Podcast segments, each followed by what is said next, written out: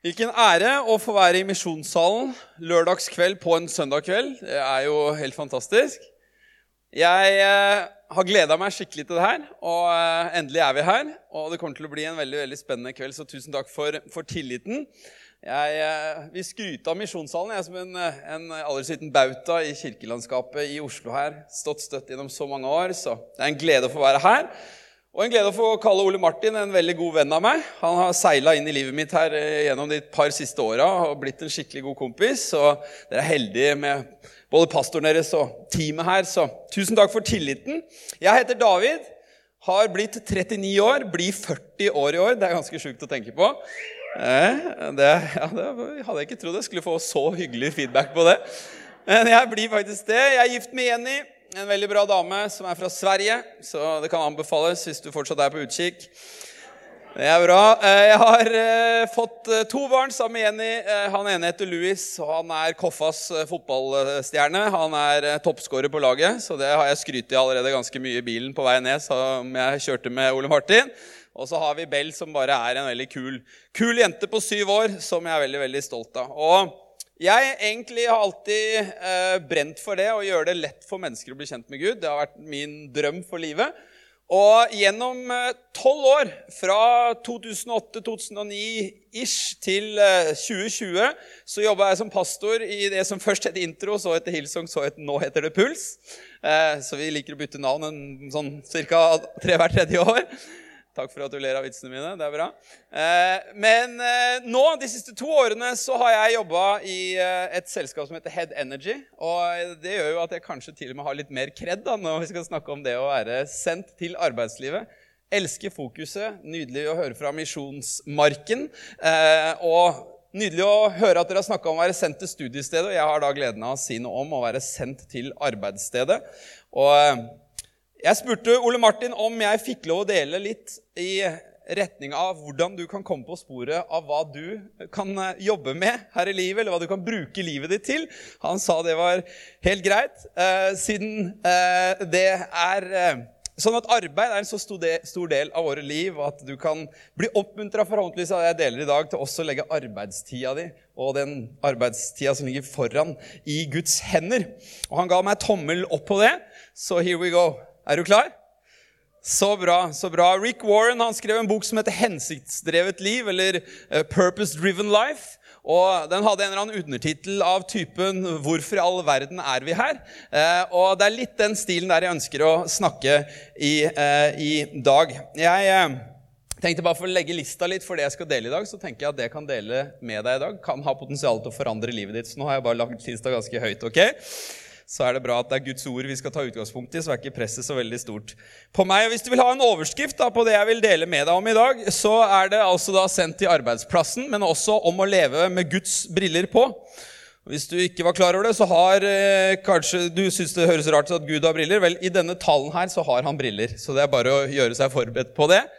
Og eh, Det jeg har lyst til å dele ut ifra, det er det eh, som handler nettopp om det om hvordan man kan oppdage hva Gud ser når han ser på våre liv. Og eh, Når jeg underviser ut fra dette temaet, så pleier jeg å snakke om å se det. Og så snakker jeg om å skrive det, og så snakker jeg om å leve det. Og Derfor skal vi starte med å lese et par bibeltekster som sier noe om å se det. Og Jeg tenkte vi skulle starte i uh, den teksten i Bibelen som uh, er fra Efeserne, kapittel 1, og vers 17-18, der Paulus skriver til de uh, gode disiplene i, Efeser, i, i, Efesus, heter det der. Og Der står det at eh, Paulus skriver Jeg ber om at Gud, vår Herre Jesu Kristi mektige og vidunderlige Far i himmelen Han drar virkelig på her, Paulus. Skal la sin ånd gi dere visdom og forstand, slik at dere dag for dag lærer Gud bedre å kjenne. Og jeg ber om at dere skal innse hvilken fantastisk fremtid Han har tilbudt oss.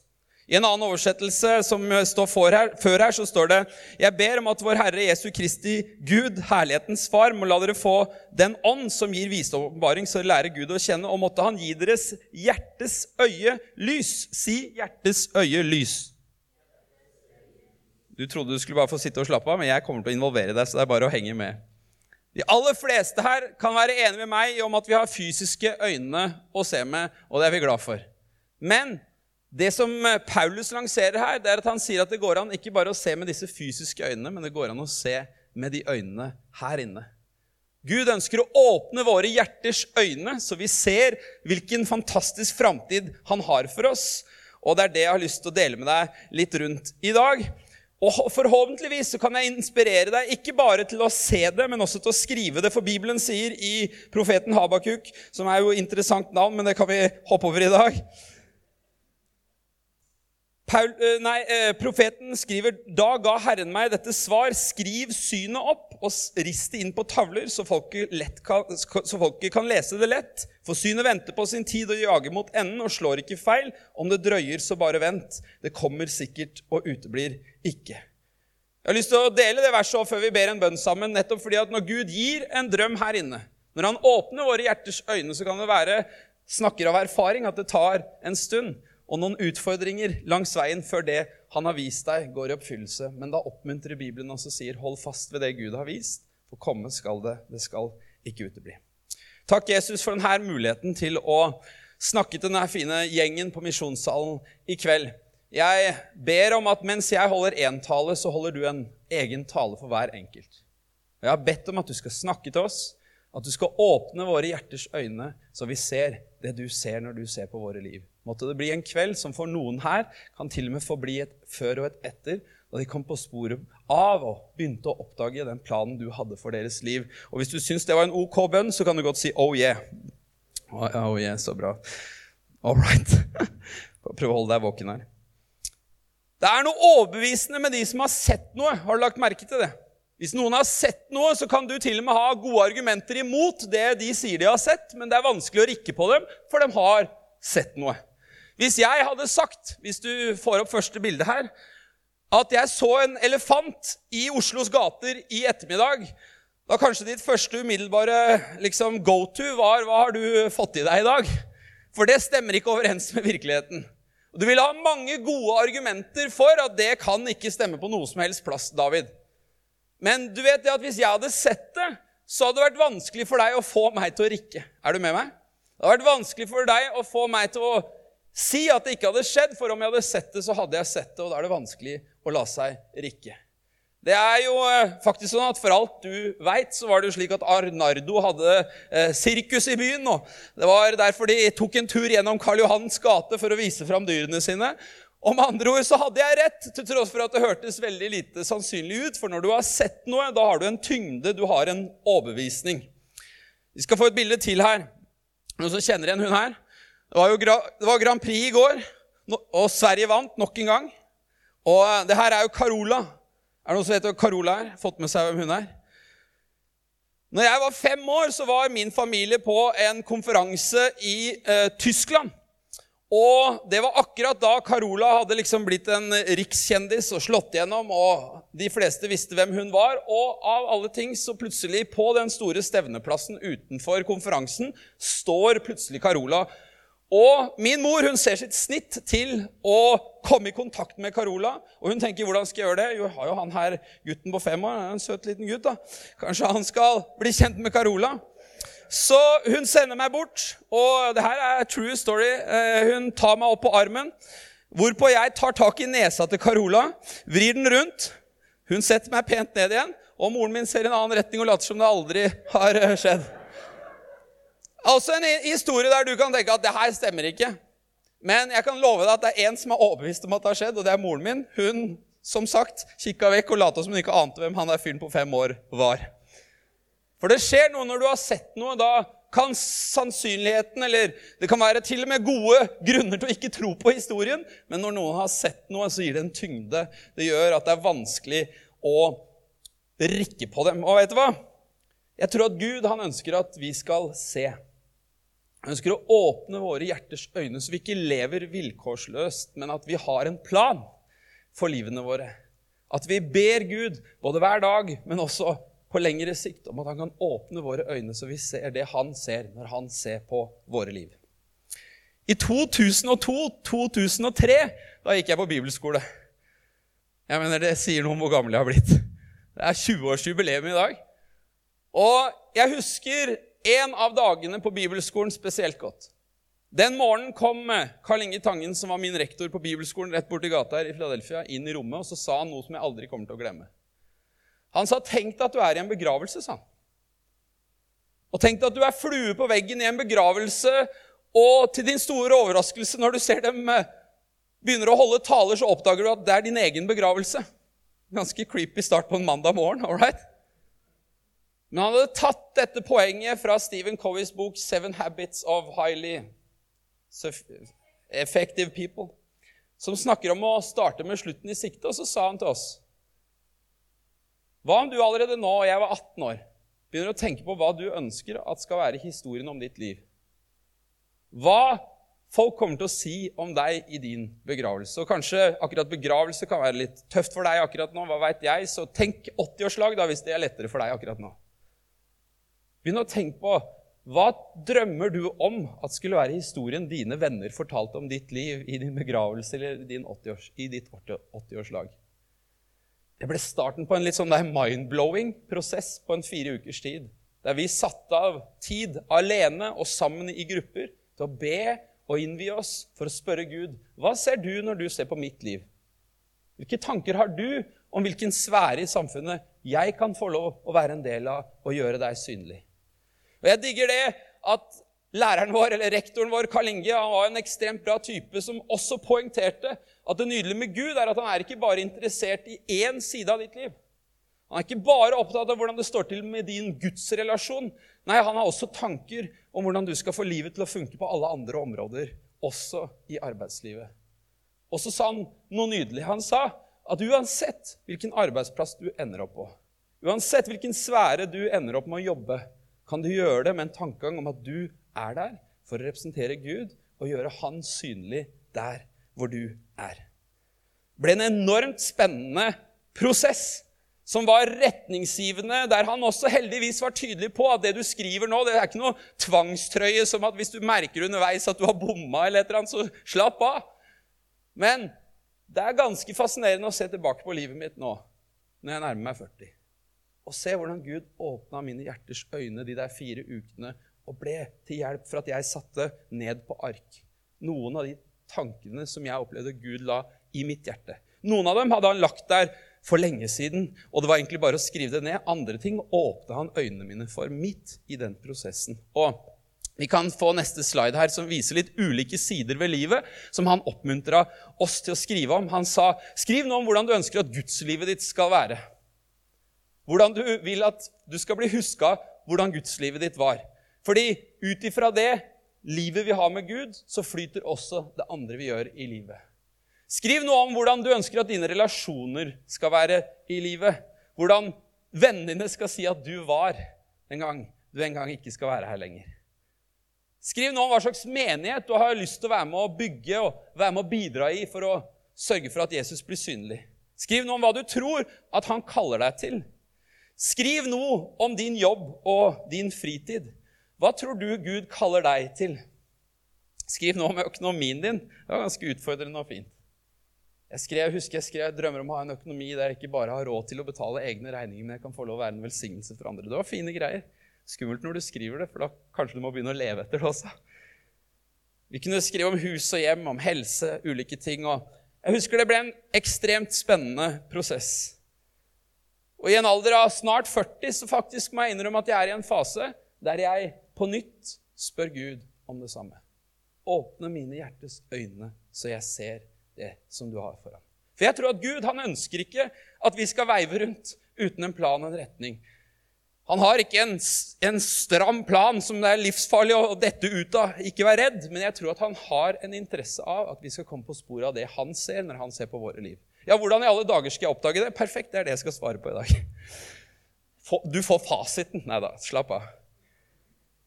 Men jeg tror at Gud har en generell plan for alle mennesker.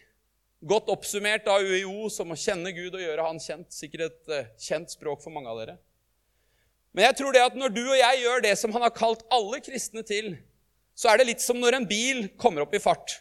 Hvis en bil står stille, så er den vanskelig og jeg mener, du er, født, du, er, du er født nå, men jeg er født på en tid der hvis servoen ikke funka på rattet, så var det helt umulig å få sving på bilen.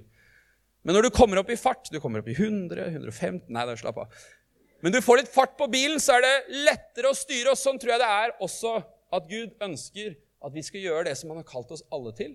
etter hvert blir det lettere for han å styre oss inn på det som er også spesifikt for våre liv. For Bibelen sier i ordspråkene Jeg skal lese det samme verset fra litt forskjellige oversettelser.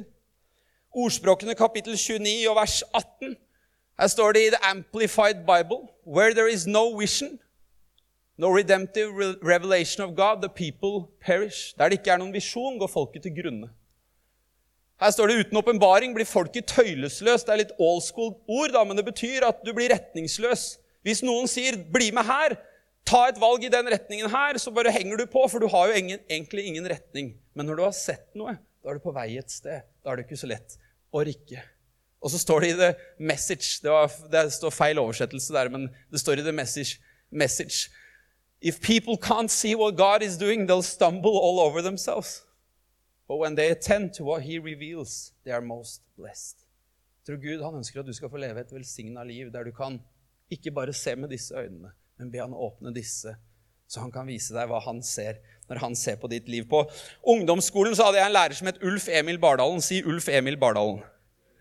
det er bra. Han hadde den første timen, en av de første timene med oss på Børresen ungdomsskole, og han uh, sa noe jeg aldri kommer til å glemme. Det er ikke mye jeg husker fra ungdomsskolen, men det husker jeg. Han sa at når jeg sitter ved kateteret mitt her i dag og ser utover den gjengen her, så ser jeg kanskje den neste statsministeren i Norge. sånn. Så ser jeg kanskje den neste idrettsstjerna som skal sette Norge på kartet. Og sånn fortsatte han. Og jeg har tenkt på det at kjære tid, det var ikke det han så. Han så en gjeng med litt usikre tenåringer som egentlig ikke visste fram og tilbake på noe som helst. Men han har vært lærer lenge nok til at han visste at i det rommet der, hvis de folka kunne få blomstre, så kunne den bli mye mer enn det han så med sitt fysiske øye. Jeg vet ikke om Gud Gud kan bli sammenligna med mye, men jeg vil påstå at læreren min i det øyeblikket der var litt som Gud. Når han ser på misjonssalen i kveld, ikke bare med disse øya, men han hjelper oss å åpne disse, så ser han ting som bor i deg, som jeg ikke kan se. Ting som han har tenkt av planer og ideer om hvorfor han har skapt deg, skrudd deg sammen sånn som du er. Og noen ganger kanskje du syns det er frustrerende. Hvorfor blei jeg sånn? Det er helt intensjonelt fra Guds side. Han ønsker å gjøre det han kan gjøre gjennom ditt liv sånn som det er. Så Ulf Emil og Gud de er litt like. Og jeg tror at Gud han ønsker at vi skal ta på oss hans briller. Så klart har ikke Gud briller, men heng med meg. I dag håper jeg kan inspirere deg til å ta på deg hans briller og se det han ser, når han ser på ditt liv. Høres det greit ut? Så bra. Så da tenkte jeg å bruke rett og slett Jeg hopper over den teksten. for dere, Jeg hadde tenkt å lese hjerteslag, men den sang vi jo, så da er vi jo ferdig med det. Så jeg tenkte å faktisk gi deg syv kommunikasjonskanaler som Gud pleier å bruke for å kommunisere sin plan med våre liv. Høres ut som en grei idé? Så skal du bare henge på. Vi skal komme i mål, og vi skal ikke sitte her i hele kveld. Men jeg håper at disse kan inspirere deg. Og så får det her bli litt mer sånn teaching. da. Så kan det være du kanskje til og med blir inspirert til å gå hjem og begynne å skrive litt. Og kanskje bruke til og med noe av sommeren din til å spørre Gud hva ser du når du ser på mitt liv. Høres det greit ut? Så hvordan i alle dager kan vi oppdage hva Gud ser? Hvordan kan vi få hjelp til å åpne våre hjerters øyne og se det Han ser? Hvor kan vi oppdage Guds plan og hensikt med våre liv? Jo, jeg kommer ikke med noe rakettforskning her, så derfor er punkt én det er Bibelen. Du trodde nå kommer et eller annet helt groundbreaking. Men det er jo egentlig det, da. Men eh, det var ikke kanskje så overraskende da når du er på gudstjeneste. Bibelen sier i 2. Timoteus brev kapittel 3 vers 16-17 at hele Skriften er inspirert av Gud. Kan bli brukt i undervisning om det som er sant, og avsløre det som er falskt. Den korrigerer og hjelper oss til å leve slik Gud ønsker. Og Jeg liker den setningen her i denne bibeloversettelsen. Den som tilhører Han, de blir godt rustet for oppgaven å gjøre godt mot andre. Hvis du vil komme på sporet av hva Gud ønsker for ditt liv, så pleier min far å si 'det stend i boki'. Kom var det. Det står i boka. Bibelen, det er Guds vilje. Når vi vil komme på sporet av hva han ser, så er det et bra sted å starte. Bibelen sier også at ditt ord er et lykt for min fot og et lys på min sti. Så hvis du vil oppdage hvilken plan og hvilken hensikt Gud har for deg, ja, da må du starte i Bibelen. Fordi når du leser Bibelen, og du leser Guds vilje for ditt liv, da blir det ikke bare dine drømmer og ideer, men hans ord får lov å justere deg til at det blir det han ser At det blir i tråd med det han har for oss. Og da vil jeg si at der vil du oppdage at uh, hvis du leser boka, så tror jeg vi alle er kalt til å elske Gud fordi han har elsket oss først. Elske mennesker fordi når du begynner å la deg elske av Gud, det er en naturlig frukt av det at du begynner å elske andre. At du investerer i og er en del av et fellesskap, en kirke, fordi det er hans kropp på jorda i dag. Det er der han gjør seg synlig. Og at du gjennom det oppdager hans plan for ditt liv. Ikke bare drømmer, men Guds type drømmer. Justert og refokusert av Gud. Punkt nummer to. Går det greit? Nok en gang ikke rakettforskning, men bønn og lovsang. Bibelen sier i Salmene kapittel 36 og vers 10.: For hos deg er livets kilde, og i ditt lys så ser vi lys. I Matteus kapittel 6 og vers 6 så står det.: Men når du ber, gå inn i lønnkammeret ditt og lukk din dør, og be til din far som er i lønndom. Og din far som ser i det skjulte, han skal lønne deg i det åpenbare. En kristen lovsangsleder som eh, heter Darlin Sjekk. hun sa om at hvis du vil at Gud skal gjøre store ting, for, øh, hvis du vil at Gud skal gjøre store ting, må styrken din være i det skjulte der ingen ser deg. Det er da Gud kan gjøre store ting, når du står i spotlighten. Min kone vet at når jeg kanskje ser litt vel mye med disse øya her, ser litt vel mye det som skjer rett foran meg. Jeg kan bli discouraged og være nedfor. Da vet hun at det trikset som er det beste, det er å få på meg den der løpetightsen jeg ikke går med offentlig. Gi meg en mobiltelefon med noen gode lovsanger på, og sende meg ut i skogen. For min kone vet at hvis David får noen minutter aleine med Gud, med noe på øra som hjelper han å løfte blikket sitt til Gud, så hjelper Gud han veldig ofte og på nytt åpne disse øya, og ikke bare disse. I lovsang og bønn, i tid aleine med Gud, så åpner han mine øyne, sånn at det som skjer i det skjulte, skal skje i det åpenbare. Arild Edvardsen er en kjent kristen leder. Han lever ikke lenger selv, men eh, han opplevde at eh, han var kalt av Gud til å bety en forskjell i verden. Men eh, det var ingen andre som hadde oppdaga det. Så det var ingen som inviterte han til å tale noe sted, selv om hans drøm var å være pastor og forkynner. Det var ingen som inviterte han noe sted. Han gikk inn på sitt lønnkammer og begynte å be. Og Svigerfaren hans var fortvila, for det gikk uke etter uke uten at det skjedde noe som helst. Og han tenkte hvilken type er det dattera mi har blitt sammen med? Men i det skjulte så åpna Gud hans øyne til å tørre å drømme en drøm om å nå hele verden med de gode nyhetene om Jesus. Hvis du har vært i Kvinesdal, så skjønner du hvor sjuk drøm det er. Jeg håper ingen er fra Kvinesdal her. Men du skjønner det, når Gud ønsker å åpne dine øyne så du ser, så trenger du å være iblant i det skjulte. De der dagene på den der bibelskolen for 20 år siden var dager i bønn og lovsang og tilbedelse, aleine og sammen med andre, som ble en måte for Gud å åpne mine hjertes øyne, så jeg så. Punkt nummer tre lyst og drømmer.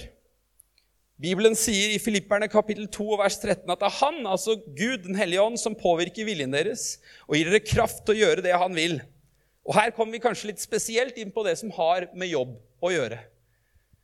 Jeg tror ikke Gud har skrudd, skrudd deg sammen og gitt deg dine ideer, lyster, drømmer, ting du syns er spennende, ting du liker, for random reasons. Nei, jeg tror han har en plan med det.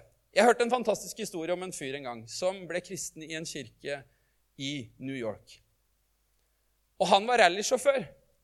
Og etter noen uker i kristen sammenheng så sa han til Gud, apropos lønnkammeret, når han ba en stille bønn, at Gud, nå har jeg vært kristen en stund, og jeg har lyst til at mitt liv kan få lov å være med og ære deg. Men jeg kan ikke synge, og jeg kan ikke preke, og jeg skjønner ikke hvordan har du tenkt å bruke meg, for det virker som det er de der folka på den plattforma i kirka som du bruker. Da opplevde han at Gud, sikkert med litt glimt i øyet, responderte og sa Jeg har ikke kalt deg til å preke. Og det er ingen, sa han, så opplevde han Gud sa, som er tjent med at du synger. Men jeg har gitt deg en passion for rally. Hva kan du gjøre med det jeg har lagt i din hånd? Og det han fikk av en enkel drøm, det var å bruke rallybilen sin til Guds ære. Han bodde i et nabolag i New York der det var tøffe omstendigheter, og det var mange tenåringsgutter som ikke hadde noen gode forbilder. Hver eneste lørdag satte han opp bilen sin midt i nabolaget og begynte å mekke og invitere gutta i tenårene for å komme og gjøre jobben sammen med han. Gjennom det så fikk han lov å være et lys i det nabolaget og hjelpe mennesker å få blikket opp for hvem Jesus var. Jeg tenker at jeg takker Gud for at han ikke ble predikant. Når det brasilianske fotballandslaget vant prøve-EM i Tyskland for en del år tilbake. og Mange av de dro av seg drakta, og det sto 'Jesus liebt dich' på T-skjortene deres. Så fikk de tale til millioner på millioner av mennesker. Takk Gud at mange av de gutta der, at Kaka ikke ble pastor. At han brukte det Gud hadde skapt han til, for å gi han ære. Hva om Gud kan få lov å åpne dine øyne i kveld og i tida framover? Så du ser at den måten han har skrudd sammen deg på, ikke var en bommert. Nei, han har en tanke om at akkurat deg, med den personligheten, med den måten du er på, kan få lov å bety en forskjell der hvor du er med din personlighet. Når jeg var pastor i Puls, som det nå heter, for noen år tilbake, så hadde vi en jente der som het Julie, som var sosionom. Og jeg hadde prøvd å ringe til det ene kontoret etter det andre i Oslo kommune for å spørre hvordan kan vi som kirke få lov å bety en forskjell i denne byen. Men det var mange som lurte på hva vil dere Er det kirke. Ja, det veit jeg ikke helt, osv. Mange lukka dører. Men så åpna Julie en dør som ikke jeg kunne åpne, som gjorde at vi kunne få lov å bety en forskjell i den bydelen hun satt som sosionom. Og etter hvert så ble det kjent på det kontoret at de der kirkefolka ikke bare er interessert i å fortelle om det de tror på, men de ønsker også å være gode nyheter. Så tenk om vi alle sammen kunne starte dagen vår med å si Gud, her er mitt arbeidsliv, her er mine timer. Tenk om alle vi som tror, kunne si Gud, hjelp meg å være på min arbeidsplass til din ære. Hjelp meg å bruke det jeg har, mine gaver, mine talenter. Jeg lurer på hva som skulle skjedd med arbeidsplassene våre, nabolagene våre, om vi ba en sånn bønn. Når jeg setter meg ned foran PC-en min i en konsulentverden, så pleier jeg virkelig å invitere Gud inn. Det er kanskje ikke like lange bønnemøter som da jeg var pastor. Men jeg pleier å åpne Bibelen min foran datamaskinen og så ber jeg Gud, hvem har du satt i min vei i dag som jeg kan bety en forskjell for? Hjelp meg, led meg, så jeg kan være dine hender og føtter på denne arbeidsplassen. Og Det er ganske fascinerende å se hvordan Gud responderer. Jeg har et par punkter til, og så skal vi gå inn for landing. Den her er litt kul. Frustrasjon er mitt neste punkt av måten Gud kommuniserer sin plan og hensikt for våre liv. De første var ganske no-brainer. Dem har du hørt før. Mens frustrasjon den kanskje kommer som en liten overraskelse. Jeg vil påstå Det fins negativ frustrasjon, og så fins det positiv frustrasjon. Negativ frustrasjon er det som bare gjør deg irritert og nedfor. Men positiv frustrasjon det er det der som får deg litt fyra på en positiv måte. Mor Teresa hun så fattigdommen i Calcutta. Og hun sa at så lenge jeg er på vakt på denne kloden, så skal jeg gjøre en forskjell med det greiene her. Christine Kane, en kjent taler og pastor som var med å starte en organisasjon som er kjent som A21, som jobber med å utslette menneskehandel på kloden, hun oppdaga at det er flere slaver i 2023 enn det det var på 1800-tallet. Og hun bestemte seg for at så lenge jeg lever, så har jeg bestemt meg for å gjøre en forskjell i denne byen her. Kanskje Gud kaller deg til å bli lærer. Kanskje Gud kaller deg til å ikke bare være lærer på de stedene i Oslo der alle har lyst til å jobbe. Men kanskje Gud plasserer deg på en skole et eller annet sted i denne byen fordi han ønsker å plassere deg der for å være hans lys på den plassen der det kanskje ikke fins mange andre som er med og bringer håp. Kanskje du kan få en god frustrasjon over at det er mange som ikke gidder å bry seg om de der tenåringene på de der skolene. Men kanskje det kan få lov å frustrere deg, og at du kan si at på min vakt så skal det ikke være sånn at det er ingen som bringer håp til de der tenåringene i Oslo, eller der hvor du eventuelt kommer til å flytte når du er ferdig i, dine, i denne byen. Så jeg har lyst til å spørre deg Hva er det som frustrerer deg så mye at du deg, at det driver deg til å bestemme deg for at du har lyst til å gjøre noe med det? Punkt nummer fem. Det går framover, det her, så nå begynner vi å nærme oss. Oppmuntrende ord med Gud-faktor. På kristenspråket kalt profeti. Jeg liker å gjøre det forståelig. For alt som er født av Gud, det seirer over verden, og det som har seiret over verden, er vår tro. Noen ganger så ser ikke jeg det Gud ser selv, men jeg har opplevd at han har sendt mennesker i min vei som får lov å bekrefte noe av det som er lagt der. Og vet du hva? Jeg hadde skrevet ned denne visjonen på bibelskole, mens året etter så gikk jeg på en annen skole. Ikke noe kristne greier. og Jeg var på et sted etter faktisk bare en åtte måneders tid etter jeg hadde skrevet min livsvisjon eller min drøm for livet, som jeg gjorde på bibelskolen, der jeg syntes det var vanskelig å se hvordan Gud skulle få det der som Gud hadde lagt ned i mitt hjerte på bibelskolen, til å skje. Men akkurat da så havna jeg litt tilfeldig inn på en gudstjeneste der en fyr fra en annen, et annet sted i verden talte om å holde fast på det Guds ord har sagt, eller de drømmene Gud har lagt ned i deg, når det virker som at når du ser deg om, så er det ikke helt sånn at du føler det er i ferd med å skje. Og i en sal på kanskje 1000 mennesker så ba han de som opplevde at dette talte til dem, å reise seg opp. Jeg reiste meg opp blant 100 stykk, kanskje, og av de 100 så kom han med noen enkle oppmuntringer fra Gud. Og så begynte han å snakke om hvordan han var Når han sa 'Jeg kjenner ikke deg', men jeg tror at Gud har talt til deg noen ting som du føler nå at det er vanskelig for deg å tro på at skal skje. Men du skal bare få lov å holde fast ved det, for Gud han har lagt det ned i ditt hjerte, og det kommer til å gå i oppfyllelse. Jeg skrev bl.a. at jeg ønska å være en Jesus-representant i et proft TV-miljø. husker jeg skrev. Akkurat der og da følte jeg at det virka vanskelig.